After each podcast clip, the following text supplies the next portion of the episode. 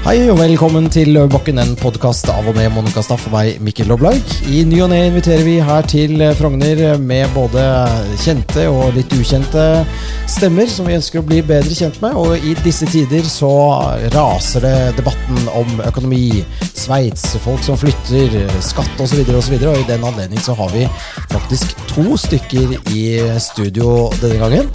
Eh, den ene er en gjenganger. Jan Petter Sissener har vært der mange ganger før. Ivrig samfunnsdebattant, investor og forvalter for Sissener AS. Og så har vi Christian Anton Smedshaug, som er leder for Agri Analyse. Han har vært en bitte liten tur innom Miljøverndepartementet for Senterpartiet. Men han ikke er som senterpartist i dag, men han er her mer som forfatter. Eh, og som har skrevet eh, bøkene 'Europa etter EU' og en bok som om gjeld. Og så skriver han ofte i Klassekampen. Og du Monica, du sitter mellom disse to herrene her eh, og prøver nå å holde fred i huset. Det er bare tuller, men eh, hvordan går det, Monica? Jeg blir som en slags fender, jeg da, vet du. mellom disse to. jeg tror dette skal gå veldig bra, for det er en grunn til at vi har invitert disse to. Fordi eh, de på hver sin side er det jeg vil kalle litt sånn strateger, og kommer med mye fornuftig, Monica. Ja, har i hvert fall en god del meninger om hvordan vi burde gjøre ting. Mm. I uh, dette kongeriket. Ja som veldig mange kanskje nå syns er relativt skakkjørt ja. under sittende regjering. Ja. Det er, det, det, dette er tror jeg den regjeringen som, har, som jeg føler Jeg føler egentlig at jeg har sittet i åtte år, og så har jeg bare sittet i to. Jeg er, helt, jeg er veldig sliten. Har de ikke, har de ikke bare sittet siden Jo, men det er helt vilt å tenke på, faktisk. Men, ja, ja, det har vi, gått veldig fort. Eh, det har gått veldig fort. Veldig gærent. Ja. Mm. Så, så, jeg tenker vi egentlig bare kjører i gang. Dette er jo liksom en eh, Det jeg tenker på, er vel at først må vi peke på hva er problemet. Og så kan man peke på hva er løsningen. Eh, og, og der, derom strides de lærde, da. Men eh, Jan Petter, velkommen tilbake. Tusen takk. Du står jo i stormen. Eh, du, du har jo vært ute i media nå og får, får det fra alle kanter. Så hvis, du stikker, eh, hvis du stikker ut hodet, så må du tåle å få det kappet av av og til. Ja. um, og noen er saklige kritikker. Noen er ikke fullt så saklige, syns jeg. Så, mm. Og så er det jo slik altså, Hvis du først legger ut noe på Facebook, så får du jo utrolig mange og til dels rare kommentarer av folk som ikke dukker opp igjen. Så det er vel noe sånn nettroll der ute òg, tror jeg. Så det er ja. sånn det er. Sånn det er. Og Eh, det siste vi har uh, hatt en uh, liten runde på, er dette med hvorfor kronen er så svak. Og der var jo Øystein ute og sa at det handler om at utenlandske investorer har mistet tilliten til det norske systemet, det norske politiske systemet, og det uforutsigbare i det de har gjort med skatter i det siste. Og så kommer da Tonje Brenna med en veldig spesiell retorikk, spør du meg og mener at han tar helt fullstendig feil. Alt han sier, er, er så gærent at hun nesten liksom ler litt. Mm. Uh, jeg syns det er spesielt av en politiker å argumentere tilbake på den måten. Selv om muligens uh, de argumentene hun fremførte innimellom, som sikkert en eller annen rådgiver har skrevet, muligens var fornuftige.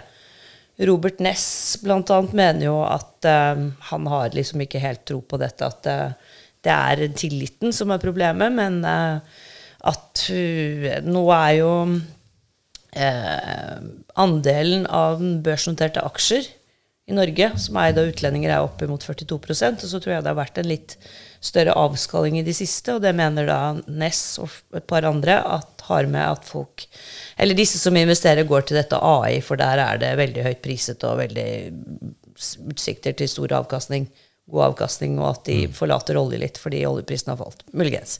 Um, hva ja, Vi må kanskje introdusere nummer to her, da. Ja. ja Kristian eh, Anton Speshaug. Velkommen til oss for første gang. Jo, takk for ja, det. Du er, du er klar? ja, det er jo viktig å ha en bred debatt i samfunnet, er det ikke det? Og at vi prater sammen fra ulike sider. Så jeg, jeg, tror dette blir så interessant. Ja, det blir veldig. Hva tenker du om den svake kronen? Jeg har inntrykk av at uh, der er det jo sånn at man strides, da, for å si det sånn. Norges Bank skal jo liksom være fasiten, og de erkjenner jo at dette ser de ikke fullt ut. altså De har ikke en god nok forklaring. Og det syns jeg er litt fascinerende sånn initielt. Da, for jeg kunne jo tenkt deg at Norges Bank kunne lagt fram ganske gode tall på nettosalg og nettokjøp over tid, og liksom fått en ganske sånn tydeliggjøring, i hvert fall en del sånne numeriske forhold da, som er ganske objektive. Vi får jo liten grad tilgang til den type ting. Og så blir det litt snakk om at ja, vi må veksle inn norske kroner i utenlandsk valuta i forhold til at oljefondet må kjøpe eiendeler i utlandet. ikke sant? Og så må noen uh, kjøpe norsk valuta igjen for å betale skatt. Og så er dette her noen sånne vekslingsforhold. Men disse kunne jo vært kvantifisert. Mm. Så dette burde vært mulig å fått fram på en del av disse variablene. sånn at eh, For det første syns jeg det er rart sånn helt objektivt sett at vi ikke kunne fått et grunnlag fra Norges Bank som ga en litt mer tydelighet på, på tall, bortsett fra liksom hvor mye kronesalg de skal ha hver uke, som de pleier å melde fra tid til annen. Men det andre er jo klart at eh, det er jo noen som også har tatt med seg formue ut. Det er klart at det er en utfordring nå at vi har en såpass stor exit ikke sant, eh, av personer som normalt liksom har, har, bodd her over lang tid, og det plutselig er blitt en endring i mentalitet som er ganske dramatisk og tror jeg kommet ganske overraskende på mange. Det er jo å vente at det har en eller annen effekt. Det tror jeg er rimelig. Men, vi, men å estimere den numerisk det tror jeg er ganske krevende. og Det er derfor jeg gjerne skulle ha sett et litt sånn datagrunnlag.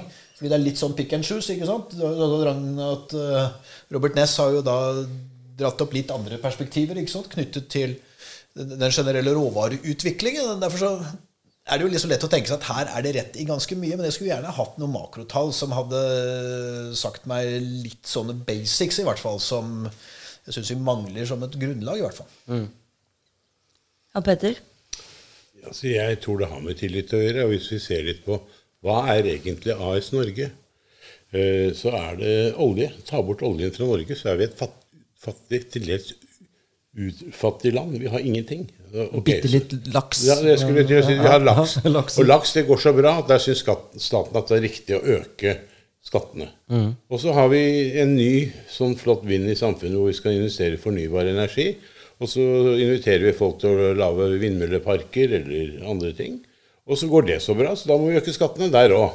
Mm. Og, og det, denne uforutsigbarheten har jo gjort at uh, man, vil jeg tro, i utlandet stiller store spørsmålstegn til hvorfor skal de investere i Norge. Mm. Og så er det hva kan du kjøpe i Norge? Altså Nå er det jo, kan du få litt sånn facts, fun facts. Uh, Afghanistan er jo et land som ingen vil forholde seg til. i forbindelse med. Men målt mot dollar så har den gått 25% bedre enn den norske kronen. Oi. Kan du spørre over, over tid? Over de siste ti årene. Ja. Og så kan du spørre deg er det Hvorfor er det slik? Det har ikke noe med at Norges Bank selger uh, kroner hver dag å gjøre. For det tror jeg bare er for å tilføre kroner til oljeselskapene som må selge kjøpekroner. Slik at de det har med tillit til Norge å gjøre. Og så er, sier man at ja, men det går så det griner i Norge. Så da må jeg stille spørsmål hva er det som går så det griner i Norge? Ja, offentlig sektor bruker penger som fyller eh, sjøfolk. De er vel omtrent sånn 3-64% av BNP nå, og, og, skal jo øke det ytterligere. Mm. Uh, nå så vi vel i statistikk i avisen i dag at det utenlandske investeringsvolumet på Oslo Børs hadde sunket med 5-6 milliarder kroner. Og, og eh, det er, sier vel sitt. Det er, hvorfor skal du investere i Norge? Det vi også så i dag, som var spennende, det var at et sånt selskap som driver med eh, brønn Altså eh, hjelper å hente laksen ut av merdene. Brønnbåter. Brønnbåter. Ja. Frøyer, ja. ja. Det ble også solgt i utlandet. Ja, det er det, det naturlig at Goldman Sachs skal kjøpe Frøyer? Det er fordi i utlandet så har man en annen kalkulator enn norske. Og det virker jo som norske politikere er dødsforelsket i utenlandske investorer. For de favoriserer dem jo på alle områder sammenlignet med norske investorer. Ja, det blir jo mye billigere også med den kronekursen. Så, og, og, de slipper jo utbytte og eiendomsskatt. Nei, eh, formuesskatt, så er det jo bra for Goldman. Goldman Sachs har nok eh, regnet den hjem, da, for å si det sånn. De skal drive brønnbåtselskap, da. Det er litt ja. interessant. Nei, de finner vel noen som skal det. De, ja. Men, men, for det er vel SalMar som er kunden her, eller? Nei, det er SalMar og flere. Men ja. SalMar fikk jo dette via oppkjøpet i NRS. Ja, eller NTS. Uh, de var jo noe børsnotert. Mm. Vi kan ikke regne hjem 68 kroner, men det får så Eller hva det var de betalte. Mm. 76 var det kanskje, jeg mm. husker ikke. Um, så vi hadde ikke noen aksjer. Vi hadde aksjer lenge, men ikke da. Så det var litt historie der. Men Nei, og det, det er bare sånn det er. Jeg tror utlendingenes tillit til Norge er minimalistisk. Og det som er morsomt, hvis denne kronedebatten fortsetter Det er klart nordmenn sliter i dag. Det er bare politikerne som ikke skjønner at mannen i gata sliter. Han sliter masse. Eh, Det er en eksplosiv økning i etterspørselen etter eh, lån, altså sånne Ja, pan, pan, forbrukslån. pante, pantehaverne i Oslo har det veldig bra nå. Eller disse pante... Hva er det for noe? Pantebutikker, er ikke det det heter? Ja. Pantelånerne er det. Ja, ja, pantelåner. Tenk deg nå hvis du sitter og er en sånn halvrik tysker og har i grunnen alltid drømt om en leilighet eh, på Rivieraen. Og sier at en leilighet på Rivieraen den koster en decent leilighet. Kan koste halvannet til to millioner euro oppover. Kanskje eh, sånn litt størrelse i hvert fall. Og så kan du nå kjøpe de flotteste hyttene langs norske Norskesjøen.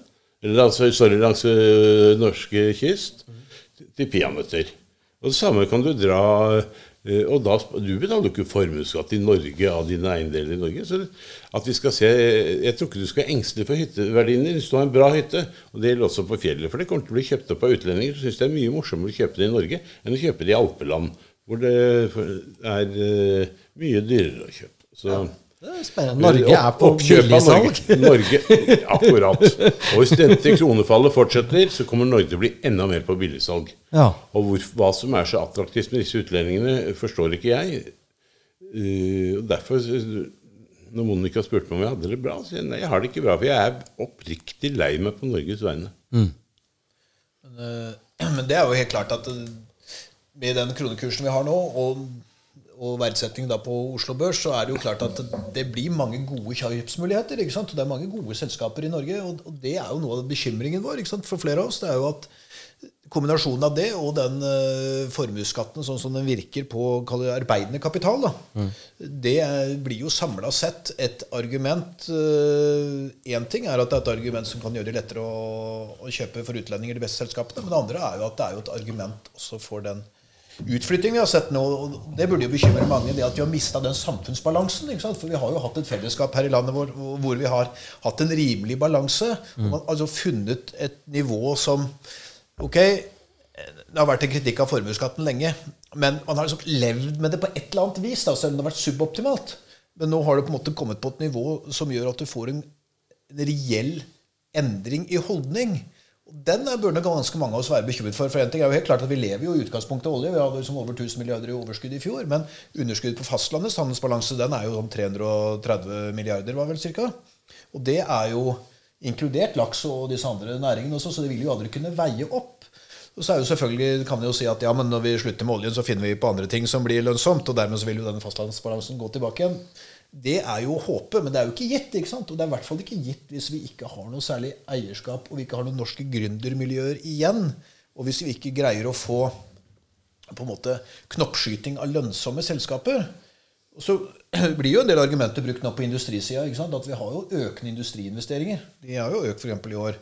De som har økt mest, har jo vært det som går litt på batteriinvesteringer, og så litt på CO2 og lagring og, og den sida der. Men, men det er også en del på metaller. altså Hydro investerer, Elkem legger i litt. og Det er jo for at de er jo i en høykonjunktur som de ser for seg kommer til å vare ganske lenge. Og en del av dem har jo også ganske lange industrikontrakter.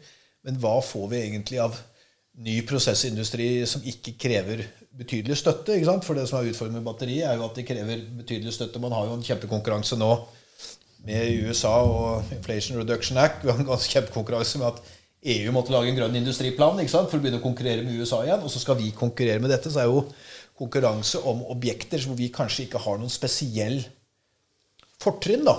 Sant? Så vi, vi driver da en industripolitikk på ting som andre subsidierer enda mer, og vi ikke vil ha opplagte øh, fordeler. Det er krevende med CO2-lagringen, og det er krevende med havvind. Mens det vi egentlig har som fungerer ganske godt, det er jo prosessindustri, det er fiskeri, det er oppdrettsnæring, og ikke minst eh, treforedling, hvor vi har jo blitt nettoeksportører av, av tømmer. ikke sant? Så vi har noen sånne bananrepublikk-tendenser her som vi ikke greier å snu. Og så satser vi på, så satser vi på i ny industri som vi sliter med å få lønnsom, og som det er kjempekonkurranse om. Ja. det ikke er gitt at vi har noen spesiell fordel på. ikke sant? Så det er noe med total bruk av de ressursene som vi ønsker oss for de næringene som skal overta etter oljen etter hvert. da. Og, og der tror jeg vi krever en mye hardere og tydeligere prioritering. Og vi krever den ikke minst fordi at A, det er veldig vanskelig å få tak i kvalifisert arbeidskraft og bygge opp disse selskapene. For det er jo ikke sånn at det liksom står arbeidsledige ingeniører overalt, og at det er masse sveisere som gjerne vil inn. ikke sant? Altså, nå er det vanskelig. Polakkene tjener godt i Polen. Man skal bygge opp Ukraina etter hvert. Det vil bli kjempekrevende å finne de rette investeringsobjektene også for Norge. Så jeg tror vi krever mer plan, og vi krever en mer kjølig vurdering av hva som, løn, hva som er lønnsomt, og hva som det bør brukes ressurser på. Mm. Ja, jeg ønsker at jeg er jo betydelig skeptisisme til batterisatsingen. Mm. Jeg er også betydelig skeptisk til havvindsatsingen. Jeg tror det er, kommer til å bli et milliardsluk uten like, og hvor lønnsomheten er minimalistisk. Eh, det som du sier at det går så bra i Norge, det er jo misse, Jeg vil gjerne moderere det litt. Du trekker frem eh, Hydro, Elkem og skogindustrien osv. Skal ikke glemme at disse nyter godt av strømpriser som er basert på lange kontrakter på veldig lave priser. Hvis du justerer deres, øh, justerer deres øh, regnskaper med markedsverdi på strømmen, så er de ikke så spennende i det hele tatt. Og denne fortrinnet som Norge hadde med billig energi, har vi jo gitt fra oss. Mm. Sen bare eksportert den. Sagt kjære EU. Og indirekte føler jeg at uh, både Gro og Jens og Erna og, og nå Jonas er i ferd med å dra Norge inn i EU bakveien og gi fra seg kontrollen over en del vesentlige parametere som er viktige i Norge. Mm. Du er helt rett i at når det gjelder batteriproduksjon, så har Norge ingen kompetitive fordeler. Men vi har eller komparative fordeler. Vi har én stor ulempe, og det er at vi er langt fra der batteriene skal brukes. Vi har ikke noe bilproduksjon og tror vi kan produsere bilbatterier i Mo i Rana uten råvarer. ja. Og hvor mange tusen kilometer fra der hvor bilene produseres i Frankrike eller eh, i Tyskland. Kina. Kina? Mm. Glem det. Kina kontrollerer råvarene, kommer til å dominere det markedet også. Men er dette et uttrykk for at, at man i gamle dager, for, for 20-30 år siden, så hadde man noen nasjonale strateger, Jens Evesen, Brofors og det var, altså I staten og politikere var et annet kaliber, og så har vi i dag kanskje fått en type politikere og en del type mennesker i statsadministrasjonen som ikke er helt connected til virkeligheten lenger. Altså, dette er, mye, det er rett og slett et, en dypere problemstilling. Eh, altså, det bakenforliggende er rett og slett manglende kompetanse. Og litt sånn strategi. Mangler en strategi. Altså, hva vil vi med Norge? Og litt sånn hallelujastemning. Alt som er grønt, er kult. Altså, det er egentlig ingen plan. Det bare går i en eller annen retning, og den retningen den fører oss i ulykka. da. Eller, ja? Det skyldes jo at vi har altfor mye penger. Ja. Norske stat har borti 20 000 milliarder kroner eh, i verdi, eh, finansverdier. Og de har aldri måttet prioritere noe som helst. De, eh, hvis man satte seg ned og begynte å analysere litt, så vil du se at all norsk industri eks olje bringer inn 70-80 milliarder kroner, 75-80 milliarder kroner i statskassen. Mm. Det er altså 5 av statsbudsjettet. Eller ikke det engang. 4,5 Resten er stort sett olje, og så er det moms og, og Avgifter, ja. Avgifter. Ja. Mm. Men vi kan ikke bygge altså Et samfunn som har 4-5 av eh, inntektene sine fra si, næringslivet, det er jo helt sykt. Mm. Så Jeg vet ikke om du er enig i de vurderingene, men det må skapes ny industri. Det tar 10-20-30 år. Og vi må gjøre det basert på ting hvor vi har et komparativt fortrinn. Det var jo billig energi. Det kommer aldri tilbake. Er vi spesielt flinke til å jobbe? Nei. Er, har vi de skarpeste skolene som utdanner de skarpeste hjernene? Ja, det er mange skarpe hjerner i Norge. Men de drar ut. Med det nye systemet her hjemme så kommer de til å bli ute. Hvorfor, hvorfor, skal de liksom eh, komme tilbake til Norge og satse alt, jobbe livet av seg? Og hvis de gjør det kjempebra, så blir de skatta i hjel. Mm. Tar staten alle pengene? Jeg tror vi har en ganske felles bekymring og forståelse av den industrien. Ja. For det er jo nettopp som jeg var inne på, så sliter vi med å få Vi har fire millioner kubikk i nettoeksport av tømmer. For, noe, for, 15 år siden så hadde vi to millioner nettoimport. Altså vi mm. foredlet dobbelt så mye. Eh, og det er jo klart at det er jo ikke noe kjempesatsing i prosessindustrien heller, men det er jo en reell satsing som de har hatt nå. Men det betyr jo ikke at det liksom er noen store skift. Men de store investeringene ser jo ut til å komme, og de nysatsingene ser jo ut til å komme på områder hvor vi ikke har opplagte komparative fordeler. ikke sant? Det er type batteri.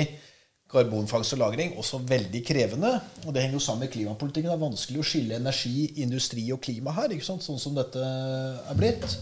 Og så er da spørsmålet eh, hvordan skal vi greie å gjenopprette, skråstrek opprettholde den eh, fordelen med lange kontrakter? Da? For det er jo helt avgjørende, særlig i, eh, i vårt land. Og det er klart at Da må jo Statkraft ha et veldig tydelig mandat. Det må jo være punkt én. Og en annen ting er at du må få en regulering av, eh, av strømeksport, særlig fra Sør-Norge. da, ikke sant? Så vil jo vi, få en, vi vil jo ha en framtidig kjempeutfordring i nord også. For at svenskene har jo så store ambisjoner ikke sant, om grønn stål osv. Og, der er jo øst-vest-forbindelsen ganske god. Mm. Så, sånn at vi, vi, får en, vi får en utfordring der med mindre svenskene tar litt rev i seilene, og den kjernekraftrevitaliseringen går såpass fort at de kan begynne å skaffe seg mye av den stabile energien da, som de vil trenge hvis de skal for eksempel f.eks. lage verdens første grønne stålverk i nord. Og det er jo en sånn bekymring i hvert fall som er liksom kommet på, på dagsorden. Men, men dypest sett så stilte du spørsmålet trenger vi mer plan. da? Ja, altså, trenger mer altså, strategi, ikke sant? Og strategi og plan henger jo litt sammen. Nå har vi veldig mye målstyring, og så forventer jeg at markedet skal levere på den målstyringen. Og det er ganske optimistisk.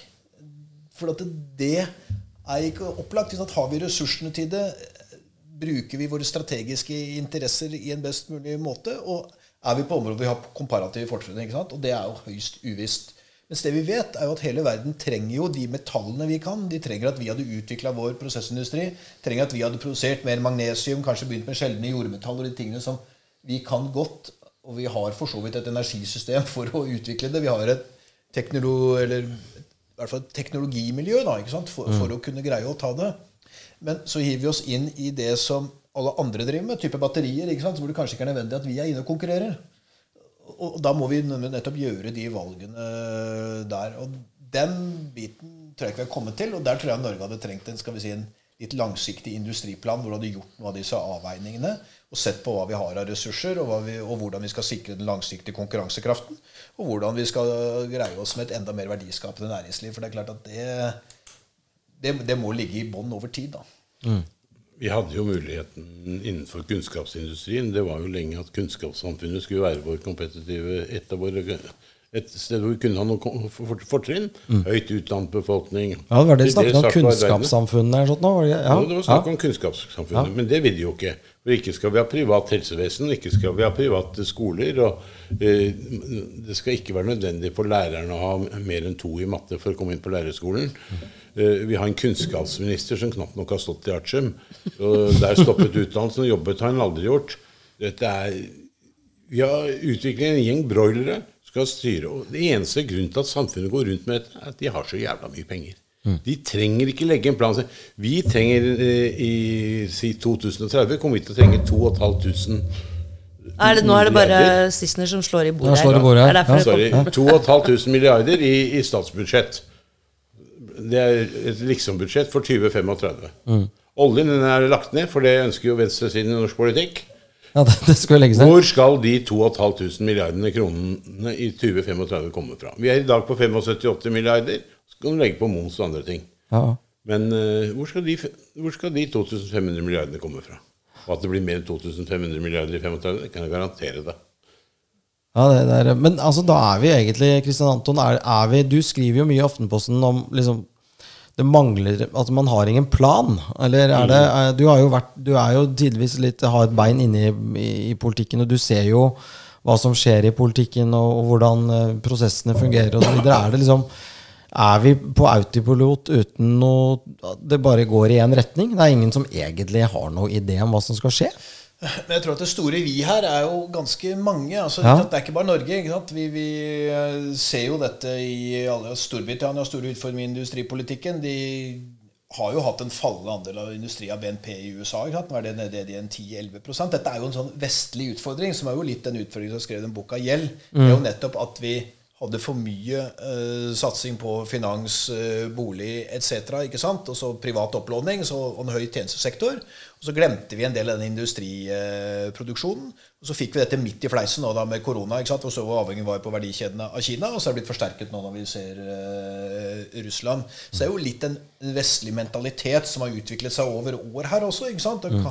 Kall det nyliberalisme eller hva du vil, men i hvert fall en veldig stor tro på at vi er systemets herrer, så vi får de varene vi vil når vi vil til den prisen vi vil, og at vi da også har suboptimalisert både skattesystem og produksjonssystemer til en tid som vi egentlig ikke er disponert for. ikke sant? Altså, I dag kommer jo Totalberedskapskommisjonen, ikke sant? og da er det jo en relativt eh, knusende gjennomgang. Han sier jo at vi har et godt utgangspunkt, og det er jo pent gjort av Harald Sunde å si, men i praksis ønsker han seg en forsørgingsberedskapssentral som i, i, um, i um, Finland for å liksom få et mye mer systematikk på det. ikke sant? Samtidig som man understreker at 80% av infrastrukturen og alt det andre er privateid. Så dette må vi gjøre sammen med private interesser. Det Og en forsvarskommisjon som sier at Forsvaret er ikke i stand til å ivareta oppgavene sine, så de må få penger fortest mulig. ikke sant? Som Storberget ledet. Eh, og så har vi jo da et skal vi si, så tror jeg SV hadde trengt en industrikommisjon for å liksom begynne å rydde litt i disse tingene her også. Altså, de har jo skrevet og de ønsket, Vi trodde de skulle hatt et industridepartement. Mm. At alle, man har jo, Departementene har jo direktorater i alle mulige retninger. ikke sant? Klima- og miljødepartementet har Miljødirektoratet. Landbruksdepartementet har uh, Landbruksdirektoratet. ikke sant? Du har Sjøfartsdirektoratet. Det er masse ting. Men Industridirektoratet som begynner å se på disse tingene, det har vi jo ikke. ikke sant? Det skal Næringsdepartementet ta. Men de har en ganske liten avdeling. Er mest opptatt av eierskap og reguleringer og den type ting. Mm. Så vi ser jo at veldig mye av de tilpasningene vi har gjort da, de siste 20-30 årene, de har ikke lykkes spesielt godt. På område etter område kommer jo egentlig nasjonale oppgjør men på industripolitikken de ting vi prater om nå, så har vi egentlig ikke fått noen nasjonal konsensus om hvordan dette skal løses. hvordan vi skal balansere det ut. Men da må vi også ha en tilpassa skatte- og avgiftspolitikk ikke sant? som fremmer innovasjon, som fremmer norsk eierskap, som unngår at de gode selskapene blir borte, og som gjør at vi greier å skape entreprenørmiljøer og liksom entusiasme for industribygging og den omstillingen vi trenger. og, og, og den nøtten Men den er det, ingen som, det er ingen som tør å snakke om det. Altså, nå, nå, nå, drar de jo. Altså, det er ikke bare milliardærene som drar. Det er jo uh, veldig mange som, uh, som ingen man ikke har hørt om. Altså, de bare, de bare pakker og selger, selger og stikker. Uh, um, og da er jo bare spørsmålet hva, hva, hva, må man gjøre for å snu denne trenden der? Jeg tror Sverige, det var det vel 20 000 som stakk. Og det, var, det gikk ganske gærent der før de klarte Snakker du om fra tidlig 80-tallet? Under, under Olof Palme. Ja. ja. Mm. Uh, før de klarte liksom å, å, komme til hektene igjen. Men, men, det er sånn når, når, først noen har reist fra Norge, så har de reist, altså. Og det, det er jo litt sånn uh, det, er, det, er, ikke bare å si uh, på neste tirsdag at vi reverserer alt. Det, jeg, jeg, tror ikke folk vil komme tilbake av den grunn, da. Du har jo ingen tillit. Det er tilliten som er Det er for tilfeldig, det som skjer, da. Ja, så jeg tror Skal du få dem tilbake Jeg tror ikke du nødvendigvis får dem tilbake. for at Ta Stein Erik Hagen. Hans barn bor jo alle ute. Hans barnebarn vokser opp i Sveits. De har ingen forhold til Norge. De snakker knapt nok norsk. ikke sant? Mm.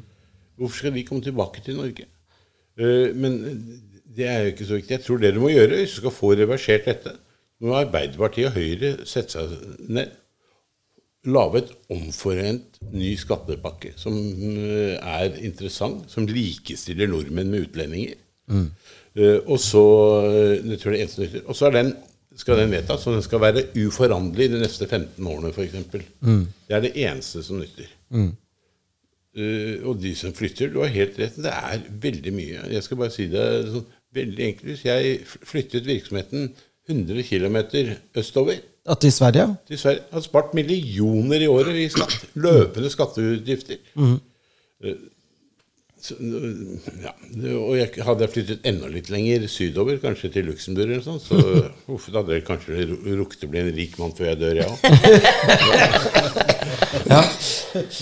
Men, jeg, um, jeg, var uh, i et bryllup der en del år siden, og det var til en som den gangen jobbet tett på politikken. Uh, og det var før valget hvor Erna og Høyre kom til makten gang nummer to. 2013. Ja. Og da var jeg så heldig, nå sitter jeg og lager gåstegn her, eh, ha da Trond Helleland ved siden av meg og Erna Solberg. Også parlamentarisk leder i Høyre og, og statsministerkandidaten. Og daværende statsminister. Så da eh, tenkte jeg nå, jeg må, altså selv om det var et hyggelig lag, så tenkte jeg jeg må, må bare spørre. Liksom, hva er planen? Hva, hva, er planen deres? Og da begynte de å snakke om liksom, valget og valgkampen, og så sa jeg jeg regner med at dere har tenkt å vinne. Jeg bare lurte på hva er planen, hva er strategien, hva er visjonen for Norge? liksom To år, fire år, fem år, ti år, 15 år? Og da sitter de to bare og ser på hverandre og er liksom eh, Ja, De hadde ikke noen plan for Norge. Nei, men altså, det var jo helt sjokkerende. Det er vel ingen av dem som har. Nei, Det er det som er så skummelt. Nei, og når du sier autopilot, Mikkel, så tror jeg ikke det. Jeg tror det er fra skanse til skanse. Det er altså liksom sånn, Så skriker den ene, og så skriker den andre. Veldig sånn mediastyrt og veldig styrt av dette. Liksom at uh, er du ikke på dette klimagreiene, så er du klimafornekter, og da er du egentlig implisitt en rasist, nesten. ikke sant? Og så det er veldig veldig mye retorikk på du skal ta de rike, og folk skal tas hele tiden. Altså det er et sånt samfunn med, hvor det skrikes veldig høyt, og hvor politikere, som jeg mener burde være eh, forsiktige med retorikken sin, står og skriker de skal ta de rike. Og i det hele tatt vestkantslaveri det, det, er ganske voldsomt. Vesk, ja, det var au pair-greiene? Ja, ja, ja. ja, ja. Nei, det, men, men da er det Du kan fremdeles ha au pair-pike, men de må være fra Europa eller fra EU. Det er fint å si pike. Ja. Vil... Det er gutt, det er hen, da. Ja. Au her hen. Nei, nei, men, men ja, ja, så det er rett og slett ingen Altså, hva tenker jeg? Tror vel, altså, altså, jeg, jeg tror det er mye mål. Det er mye mål, ja. ja men det er ingen plan. Men det er nok begrenset med plan. ikke sant? Og så ja. er det jo sånn at det er jo den britiske statsministeren som sa What shaped your uh, prime minister period?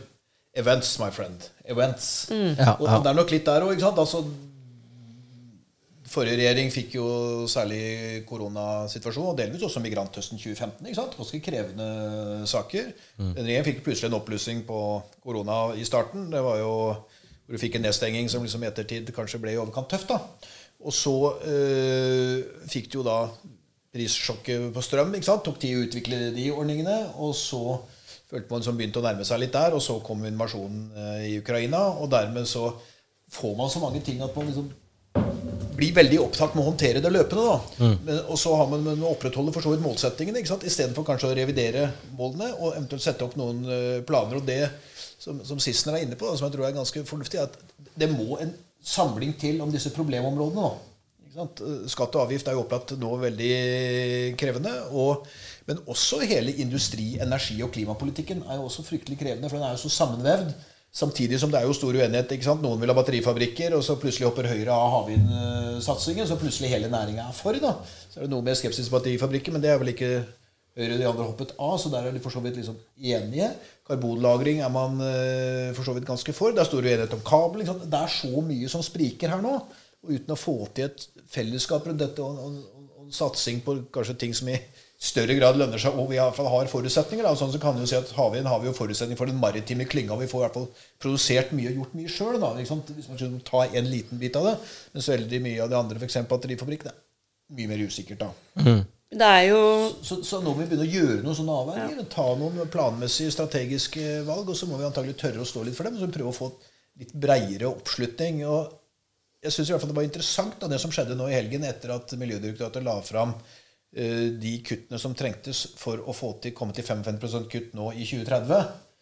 Det har jo vært ganske mange kommentatorer som har sagt at dette framstår som veldig urealistisk. da.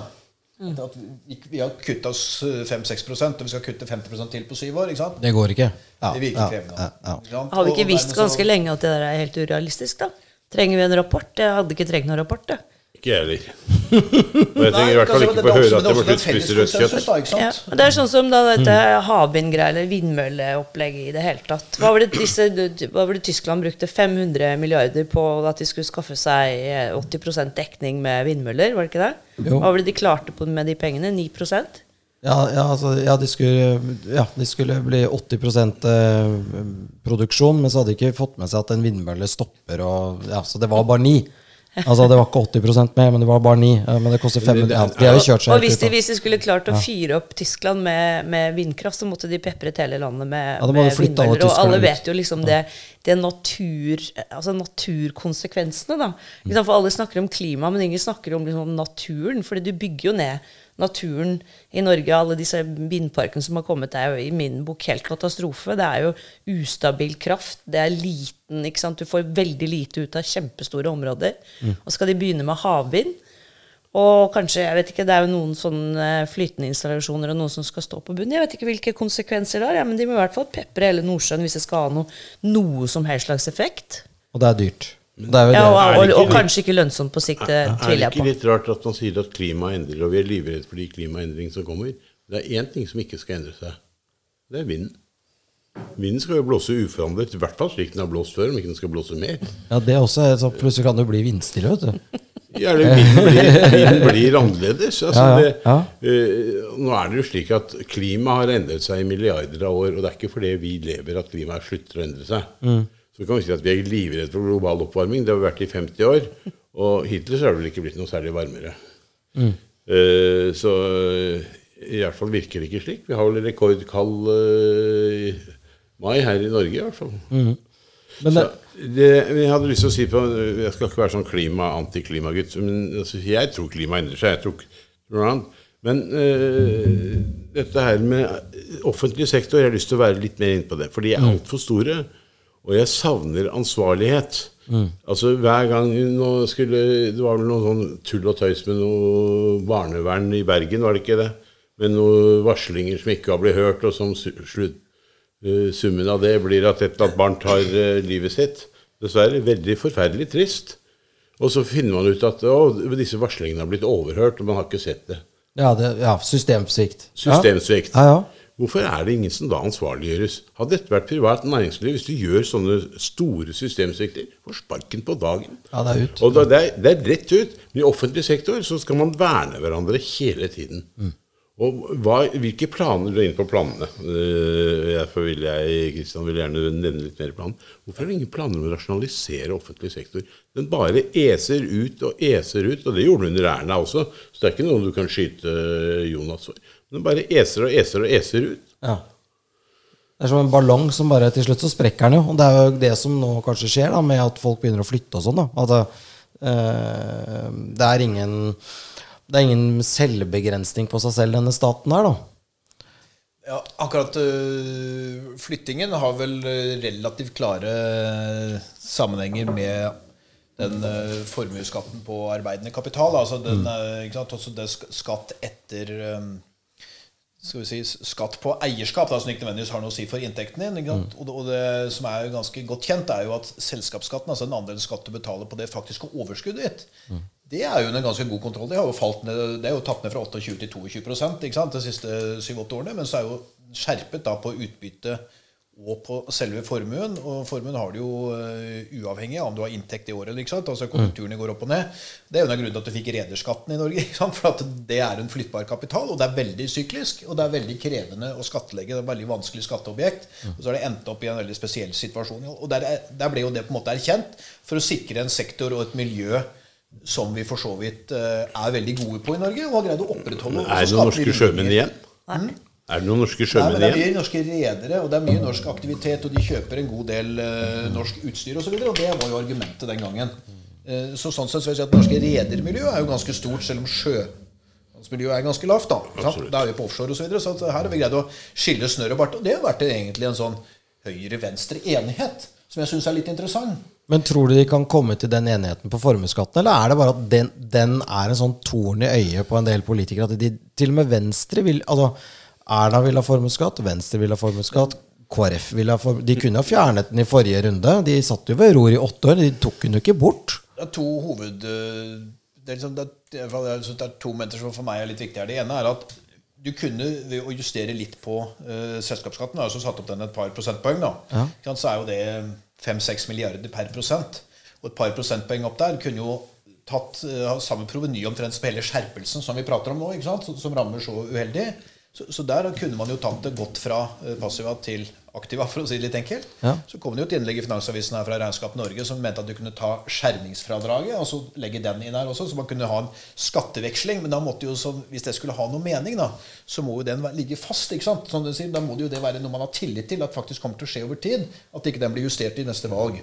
Jeg tror ikke de kom hjem av den grunn. fordi at det at du skiller så stort mellom norsk og utenlandsk eierskap i den samme virksomheten Du må jo sørge for at det er en uh, alignment heter det på engelsk, jeg vet på norsk, jeg mistet ordet akkurat nå. men eh, Likestilt, likestilt beskatning av en norsk eier og en utenlandsk eier. Og jeg tror ikke det disse her som har flyttet, de har ikke nødvendigvis flyttet pga. formuesskatten. De har flyttet fordi de frykter ytterligere skjerpelser av skatt i Norge. Det er jo ingen måtehold i skatteappetitten til SV. Og de har jo, fått, har jo balletak på Arbeiderpartiet, så de eh, fortsetter jo med å presse og presse. Og heldigvis så gikk jo da Venstre med på eh, lakseskatt på 35, ellers så hadde de vel eh, 25, ja. 25, mener jeg. Ellers så hadde de jo kanskje sett 40-tallet.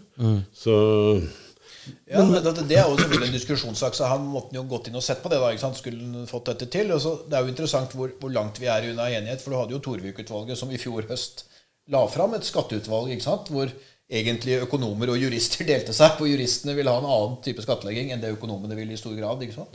Og, den ser jo nå ut til å, å, å gå i skuffen. Så sånn sett er jo det litt bekymringsfullt i forhold til å få den enigheten da, ikke sant? Som, som vi er avhengig av. Også for å få den likebehandlingen og for, å, og for å få den langsiktige tilliten. Men grunnen til at jeg syns det er naturlig å trekke fram formuesskatten, er i hvert fall den som er blitt løftet fram som utløsende årsak og som, øh, som krevende. Og så er det jo noen som har sagt, i hvert fall i intervjuer jeg har lest, at ja, hvis vi får tillit til at skattesystemet stabiliserer seg, så vil det være interessant å dra tilbake igjen. Hvor stort antall det blir. Og, og, og, og det vil jo selvfølgelig avhenge av hvor lenge man har vært ute.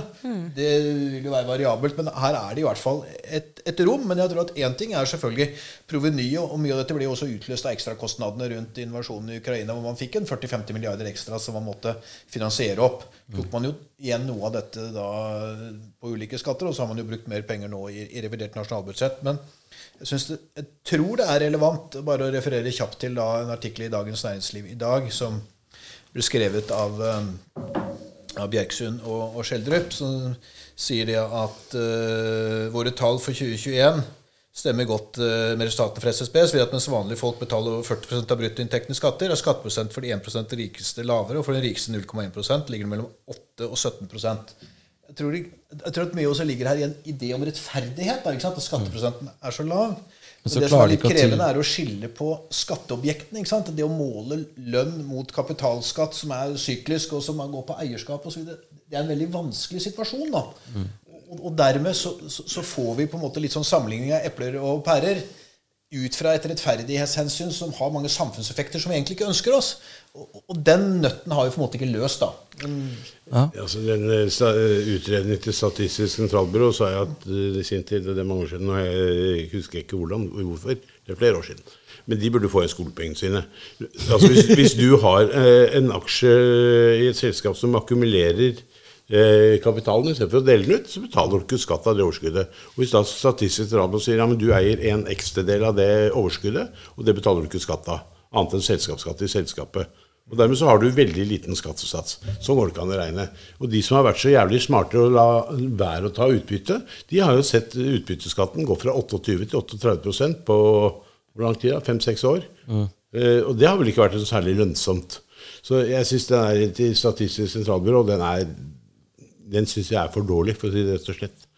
Nå sa, var du inne på skatt her og sier at eh, 6 milliarder er det som de forventet økning. Ifølge The Guardian så har de som har flyttet ut av Norge, en samlet formue på 600 milliarder. Det vil si at bare der er de 6 milliardene i provenyøkning eh, forsvunnet. Og så har du at disse 600 milliardene de skaper tross alt litt arbeidsplasser, de har aktivitet, de investerer, de forbruker, ikke minst. De bygger seg hus og hytter og alt Kjøper mulig rart. biler, dyre Kjøper biler, viner, Dyre ja, viner, Ja. dyr biff og Ja, men også husbygging og hyttebygging. Ja, Snekker og elektriker og rørlegger og Og moms og ja. altså, kan, jeg har et veldig godt eksempel. Det var en kommune i Norge som heter Krødsherad. I Krødsherad kommune så ligger noe som heter Norefjell.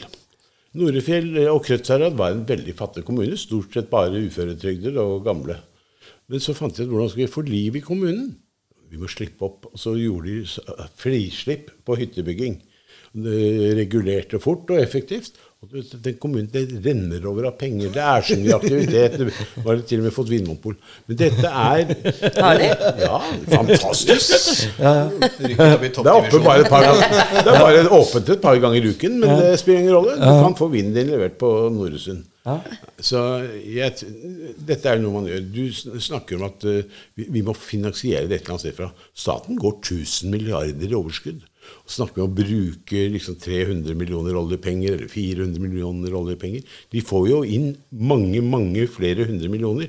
Du bruker jo ikke det. Hvorfor skal vi spare for fremtidige generasjoner?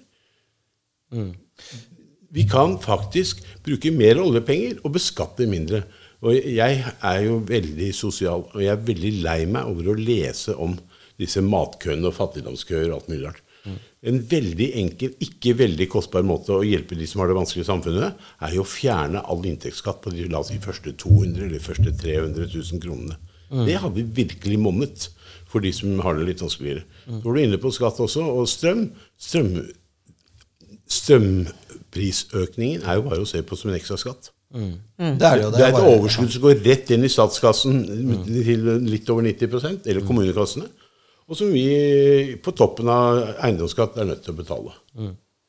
Absolutt. og Det trekker jo inn mye kjøpekraft. men Mitt poeng med 6 milliarder var jo ikke det at det var liksom provenytap. Mitt poeng var med 5-6 milliarder var at det er ca. hvis du øker selskapsskatten med 1% da, fra 2023 så får du inn 6 milliarder ekstra. Og så hadde du økt med 2% så hadde du fått inn mye av det provenyet vi har fått på skjerpingen av formuesskatten. Så da kunne du trada det fra Der det er vi helt enige. Ja. Så det var det som var Fjern formuesskatten, men var- på provenynøytralt. Ja, sant? Så da kan du og faktisk øke eiendomsskatten litt også, sånn at du får en bedre allokering av kapital. Ja da, så da kunne man gjort de tingene Det er denne enigheten vi ikke får. og Derfor er Torvik-utvalget er interessant. Ikke sant? At de kom ikke fram hvorfor blir man enighet. ikke enig om dette? Det høres jo veldig eh, fornuftig ut. Øke, øke inntekt Altså nei, skatten, kap, skatten i selskapene, selskapsskatten med 2 eh, Og så It's a, no, si- it's a no-brainer, er ikke det? Nei, det er ikke det. Fordi det er, det er konkurranse om de store virksomhetene. Og du risikerer da at virksomhetene flagger ut. Hvis skatten i Sverige er 20% og i Norge så er den 25 ja, så, og du ser at dette vil vedvare, ja, da vurderer du å flytte virksomheten til Sverige. Er, du kan jo se det f.eks. på en del av forbrukslånsbankene.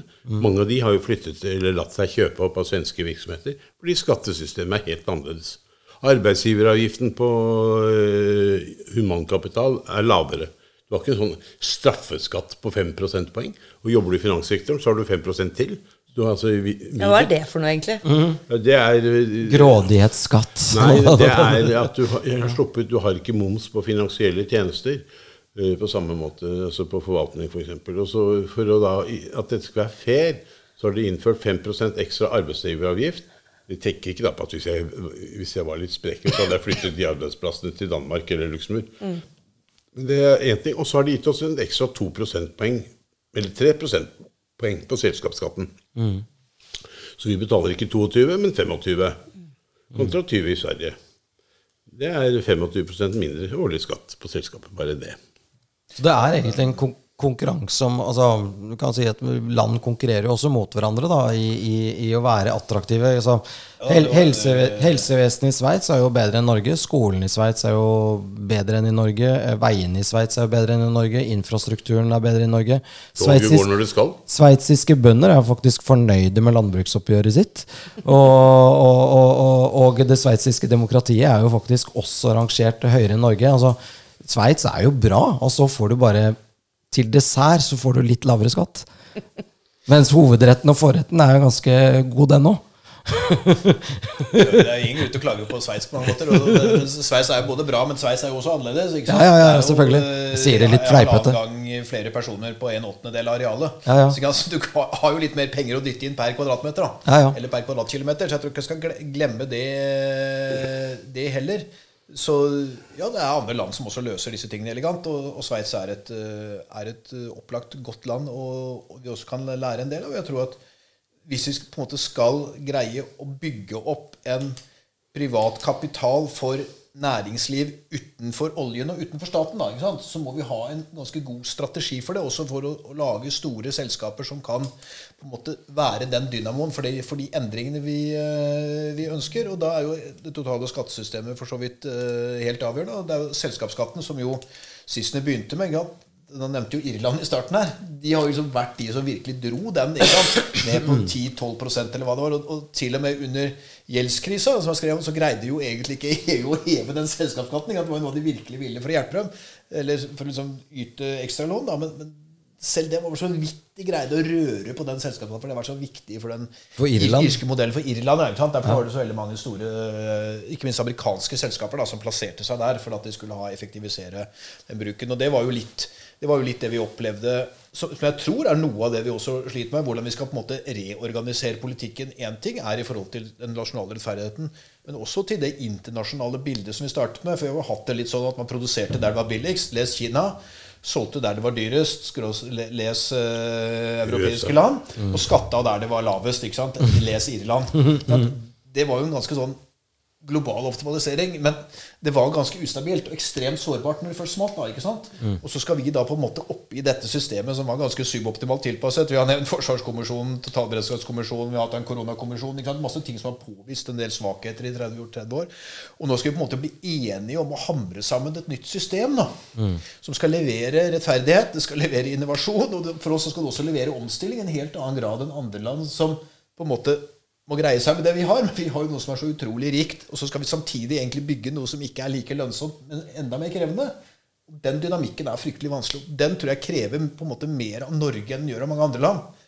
Fordi vi står midt oppi alle disse dilemmaene og har den pengesekken som Sissener understreker. Og, og Derfor så er jo det på en måte en sånn ultimat intellektuell utfordring, tenker jeg.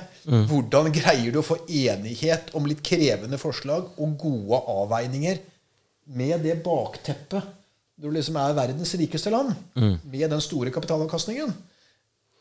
Det er spennende. Og, og, og der tror jeg ikke vi, og der kommer vi, vi er ikke kommet i mål med den uh, skatteutvalget. Vi, vi har den diskusjonen her. Og så har man en sånn Det det er så mange elementer vi skal sammenfatte. Mm. En løsning der er å sende Jonas og Erna på hyttetur, og så kan de sitte der og hamre ut noe som de er enige om. Det de er enige om, er det jo umulig å rokke noe med. Eller var, i hvert fall. Nå, Ja, altså nå type er det så vidt de har, 50, de har vel ikke 50 til sammen lenger engang. eh, Ikke Erna med og den Jonas. utviklingen til Arbeiderpartiet, nei. Nei, så Ikke vel eh, 50 fortsatt, vel? Ja, jeg var også der, for Høyre har vel en Men, men eh, det, trengs, det, det må- tas et skippertak. Det er nordmenn spesialister i. Og derfor er jeg fremdeles litt optimistisk. Men da må man erkjenne at vi har et problem. Og så må jeg tillate meg å stille spørsmål har vi egentlig et demokrati. Jeg mener, Hvor mye kan vi påvirke valget i, i, i Norge? Uh, Lite grann gjennom en nominasjonsprosess hvor du egentlig er ikke blir hørt. lukket. Det er uh, Det er lukket. Du har, har en partibok som du helst bør ha i orden hvis du skal inn på tinget. Uh, men eh, 80% av befolkningen omtrent er vel avhengig av staten i en eller annen form. De skal ha pensjon eller barnetrygd eller uføretrygd eller syketrygd eller eh, jobber, jobber, jobber, jobber ja. i staten ja. offentlig. Eh, Og, og, og det er klart at alle disse 70-80% vil jo gjerne stemme på det partiet som gir dem mer. Mens de som den produktive delen av samfunnet vil jo gjerne sitte igjen med mer selv. Og da må jeg bare stille spørsmål. Jeg sier ikke at jeg har ikke trukket noen konklusjon, men er ikke dette et faremoment for demokratiet? På linje med at det å liksom ha rettssikkerhet Du har jo ikke råd til å ansette en advokat. Advokater skal jo ha 6000 kroner timen pluss moms. Ja, ja. Og er du ekstra flink, skulle du ha 10 000. Ja, ja, så du har ikke råd til Ja, ja, det er også Rettssikkerhet. Det er jo farlig. Ja, ja. Veldig farlig. ja, ja. Ja, Det siste er jo, eh, er jo understreket av mange. Ikke sant? Men prinsipielt sett, ikke sant? hvis vi går liksom tilbake igjen til sånn, demokratiets fedre, da, så var jo ideen var jo om å gjøre å skape mest mulig selvstendige mennesker som greide å skaffe seg sin egen eh, inntekt, og sånn sett øke statens inntekt uten å øke statens byrde. Da, ikke sant? Altså, det er jo liksom det prinsipielle som lå i bånn fra uh, grunnlovsferiene i, i, eh, USA via, via de norske osv., så, er jo det ganske lett gjenkjennelig. Og så er det klart det er jo ganske mange som mottar litt fra staten, og som leverer ganske mye tilbake. Så det er jo et ganske broket bilde, selv om man er tegner med litt, eh, litt bred penn. Så, men jeg skjønner jo liksom poenget, så vi skal ikke eh, kverulere på det. Men, men, men det å gjøre folk mest mulig selvstendig i stand til å greie seg selv og ha en stabil økonomisk base, det har jo også litt å si med spareinsentiver og sånn. Det er jo ikke liksom bare snakk om, om rikinger her, men det er jo folk som da bygger seg opp formue gjennom livet. da? At de kan sette det i, i egen sparing, som også eh, unngår å bli skattlagt på uheldigvis, særlig nå som vi har gått fra den eh, ytelsesbaserte pensjonen, som var ganske fast, til innskuddsbasert, så det også er mer uvisst. Og den har jo egentlig ikke slått til ennå. Mm. For den, den er, kom jo først med de senere generasjonene. Så det er liksom min generasjon omtrent og framover. Mens de som går av nå, er jo fortsatt på faste ytelser osv. Så, videre. så, så, så det er også en side av saken som jeg syns er litt undervurdert. Og der har jo svenskene vært ganske gode, for de har hatt et annet type stimulering til eh, sparing og investeringer eh, for eh, vanlige folk, nettopp for å sikre på en måte den bredden i, eh, i eh, folks sparing og opprettholde en, større uavhengighet. Så det tror jeg også er et lite poeng her som vi kanskje ikke er kommet helt til ennå. Mm.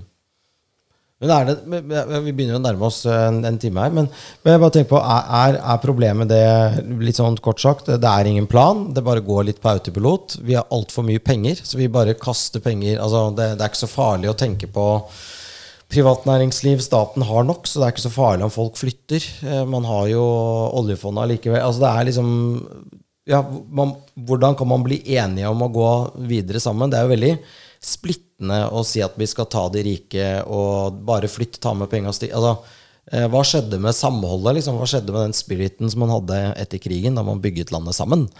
Eh, Nå skal alle bygge litt hver for seg. Og ja, hvordan, hvordan kan man få den samtalen i gang igjen? Da? Jeg tror Jan Petter prøver jo. eh, Men man klager hele tiden over at folk med penger ikke uttaler seg i avisen. Men hver gang de gjør det, så får de jo bare Så hatten passer og vel så det. Så det er jo litt sånn spesielt. Jeg får jo mange klapp på skulderen da, fordi jeg åpner kjeften. Og jeg, jeg er jo så heldig at jeg kan gjøre det. Jeg jobber for meg selv. Og, og, og øh, derfor er jeg ikke avhengig av staten eller noe godkjennelse. Mange andre sitter jo i stillinger hvor de mister styreverv, er redde for å miste styreverv og sånt noe hvis de prater for mye. Og så må jeg si at du var inne på det i sted retorikken av ansvarlige politikere og samfunnsdeltakere eh, à la lederen i SV Røkke kan bare ryke og reise. Eh, og 'Ryk og reis, Røkke, var det ikke det hun skrev? Og hun, eh, vår kjære LO-leder som snakker om eh, vestkantslaveri for aupairpiker. Jeg lover at eh, de aupairpikene har det mye bedre enn mange andre som vi har i Norge til å jobbe plukke jordbær eller sløye fisk eller noe sånt noe. Apropos slaveri, ja. apropos slavedrift. Jeg syns det er veldig synd, og det er fordi man innser ikke at man har et problem som må løses. Hadde både venstresiden og høyresiden sagt vi har et problem som må løses. Vi, vi er skjønner jo at oljen ikke varer evig. Vi må investere i, i ny industri, eller skal det være kunnskapsindustri? Skal det være eh, prosessindustri? Hva skal det egentlig være? Laget en ordentlig utredning og tatt 20-årsperspektiv eller 30-årsperspektiv. Det er jo slik at i dag skal du starte en ny virksomhet i Norge, så kan du bare starte for la oss si 90 da, av kapitalen, som du kunne gjort hvis du startet den i Sverige. Fordi du skal ha penger til å betale 1,1% formuesskatt hvert år. Og hvis du sier at det tar 8-9 år å få den virksomheten opp og stå lønnsom, det kommer til å trenge ytterligere kapital osv. Altså, starte en virksomhet som skal vokse osv. Det tar lang tid før den kommer i en utbyttesituasjon. Ja, da er du handikappet. Og den, du var inne på folk som flytter. Én ting er at de flytter for retorikken. De orker ikke der. Du blir uglesett. Altså, hvis du ikke heter Haaland eller Hovland eller uh, Ruud, så blir du, blir du jo uglesett. Eller andre som Det er jo ingen idrettsutøvere i Norge de siste 10-20 årene omtrent som har bodd i Norge skattemessig. Ja, Veldig mange som har bodd i Monaco og andre steder. Anyway, det var ikke det, var ikke det som var poenget. Men eh, Nå husker jeg ikke hva som var poenget. så det er ikke så farlig. Eh, men poenget er at du kan ikke starte i Norge. Det var det som var vitsen. Fordi du er handikappet. Og vi må ha vilkår i Norge som er sammenlignbare med de i utlandet. Ja. Punktum. Ja, og så er det jo også en, bare en bitte liten ting når det gjelder dette med eh, aupairordningen, da. Fordi at jeg tenker at det er så fryktelig gjennomsiktig. Eh, en ting er at de sier vestkantslaveri, men det som er gjennomsiktig, er jo at de er jo ikke ute etter disse. Det er stort sett jenter. Sitt ve og vel. For det som skjer, er jo at de kommer jo til Singapore eller Saudi eller andre steder hvor de blir handlet jo omtrent som bikkjer. Så hun er jo ikke noe opptatt, eller de er ikke opptatt av disse jentenes ve og vel. De er opptatt av at ikke, ikke sant? De rike, og da sier jeg en i gåsetegn, for det er fryktelig mange som ikke er fryktelig rike, som har au pair for å få en familiesituasjon med to arbeidende voksne og barn til å gå rundt. Det kan Det bør ikke være to arbeidende voksne. Jeg- Min nevø er sammen med en eh, SV-dame fra Hokksund som har hatt aupairpike Eller jeg vet ikke om det er Hokksund.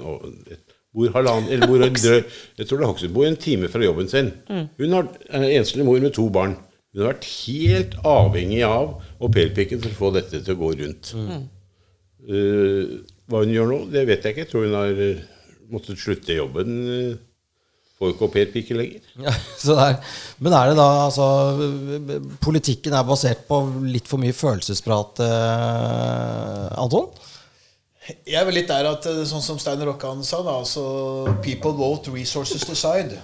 People vote, their resources decide. Ja, ja, ja. Men vi har vært i en periode hvor resources ikke har bestemt så mye. Ikke sant? For at det har vært tilgang til arbeidskraft. Ikke sant? Fra murens fall eh, så kom jo, begynte jo å komme folk fra øst til vest ikke sant? og villige til å jobbe rimeligere. Og så jo på det som en veldig åpning, og det var det jo selvfølgelig også. Mm. Mange hadde fordel av det her, de hadde fordel av det. Østutvidelsen forsterket jo dette her ikke sant? med EU, formaliserte det. Nå har dette her kallet normalisert seg. Lønningene begynner å bli litt likere. Den eh, skal vi si, fredsdividenden, som det er kalt. Da, ikke sant? Hele det overskuddet som du frigjorde av folk, av ressurser. At du slapp å regulere så hardt. Du satt og sitte, satt og sitte, sitte med så store buffer i samfunnet. Ikke sant? Så store lager. Og alt det ble på en måte brukt i en egentlig en gigantisk endring av samfunnet som vi nå eh, etterpå Nei, det var kanskje vi tok det litt langt på Forsvaret. ikke sant? Oi, vi tok det litt langt på beredskapen. Vi tok det litt langt på avviklingen av vår egen industri. Men det muliggjorde også etter mitt mye av den målstyringen. ikke sant? Du trengte ikke den planen som du trengte i etterkrigstiden. For liksom, oi, har vi nok ressurser til det når vi har satt av der?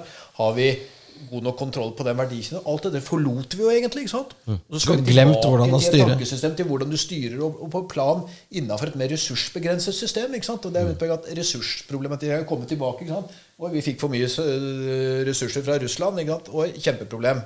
Og det viser at de tok hele marginal raffineringen av diesel. ikke sant? Diesel gikk ti kroner opp med en gang. Så alle disse tingene her har vi liksom kommet fram til. Og, og det å da måte endret mye av dette her, det tar tid. da.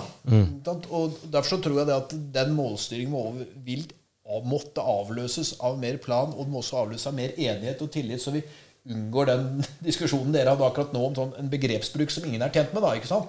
Og en forståelse av andre som på en måte blir for dårlig. og vi- For nå trenger vi mye større grad av fellesskap og samhold for å få bygd samfunnet etter de litt nye prinsippene hvor ressursene er mer begrenset, hvor vi må prioritere hardere, hvor det ikke er så mye folk, hvor verdikjedene våre små eh, strammes inn, og vi må ha homeshoring og friendshoring og en rekke av disse tingene her. Og vi trenger på en måte et, en revitalisering av det kanskje der vi startet, av det næringslivet utenfor oljen som må være lønnsomt, og som må egentlig komme ganske kjapt nå. sånn at vi... Men, men den rapporten vil jo aldri komme. Må den lages privat, eller? Jeg tror det er bra om noen begynner, ja, fordi at øh, vi trenger en idédugnad nå som uh, bør være breiere enn den vi har. For det, sta, Staten kommer ikke til å sette ned et utvalg for å se på dette. Det har de ikke de tid til. Men ikke for å bygge noe offentlig altså, sektor. Agenda, det der sosialistiske tenkestand, de har jo laget noe sånn de kaller det utvalg. ikke sant? For Det høres litt sånn statlig ut. Skulle liksom man, skulle man satt ned et sånt eget utvalg, Sissener-utvalget, og, og, og så skrevet en egen rapport på hva som burde vært gjort? da? Da hadde du jo fått noe å måle deg mot, da, ikke sant? og så kunne du starta en debatt og som kunne vært et, noe som lagde et, et utgangspunkt for, øh, for diskusjon, et annet punkt, da, ikke sant? eksempelvis. da, og, og det tror jeg er sunt. ikke sant? Demokratiet må brynes mot ulike ideer. og Spørsmålet er om idétilfanget er godt nok sånn som det er nå. da. Hva tenker du om det, Jan Petter? Man må rett og slett komme med et utvalg. utvalg. men Ja. vi, vi trenger jo en ny generasjon politikere.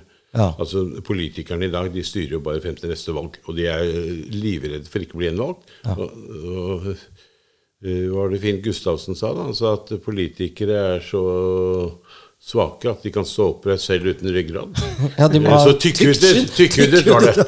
Tykkhudet var det. Og vet, jeg skulle ønske at politikerne Jeg har jo møtt noen politikermiljø og sagt hvorfor setter du ikke foten ned? Nei, jeg er for glad i den sorte bilen eller eh, privatsjåføren eller Jeg slik. sier jo ikke det. Jeg jeg skal ikke sitere hvem som har sagt det, men det er flere av dem som har sagt det.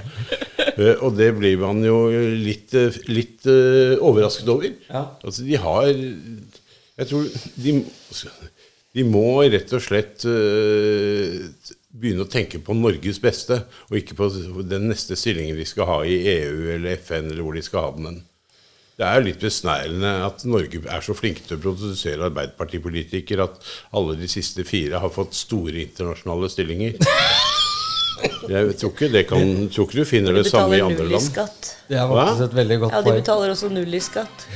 Ja, nei, De betaler null i skatt, for det, når du er i utenrikstjenesten, så får du jo den lønnen du fortjener i det landet utbetalt uten skatt. Ja, Ja, I know. Så, så nei, vi må, vi må få en dugnad for Norges beste med femårsplan, tiårsplan, 20-årsplan.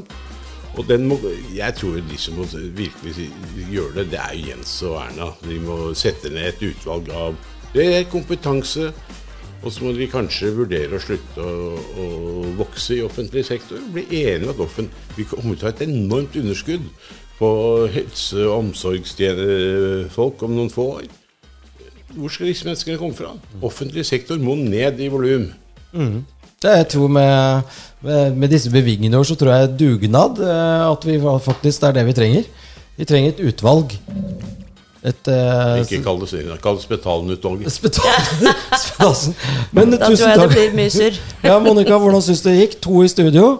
Det gikk jo fint, det. Ja. Ja, Det kanskje vi kan gjøre igjen? da, ja absolutt. Takk til begge to. Ja, Tusen takk for at dere kom. Og takk til dere som eh, hører på. Hører på. Eh, hva er det du sier for noe? Arvideci? Sayonara. Sayonara.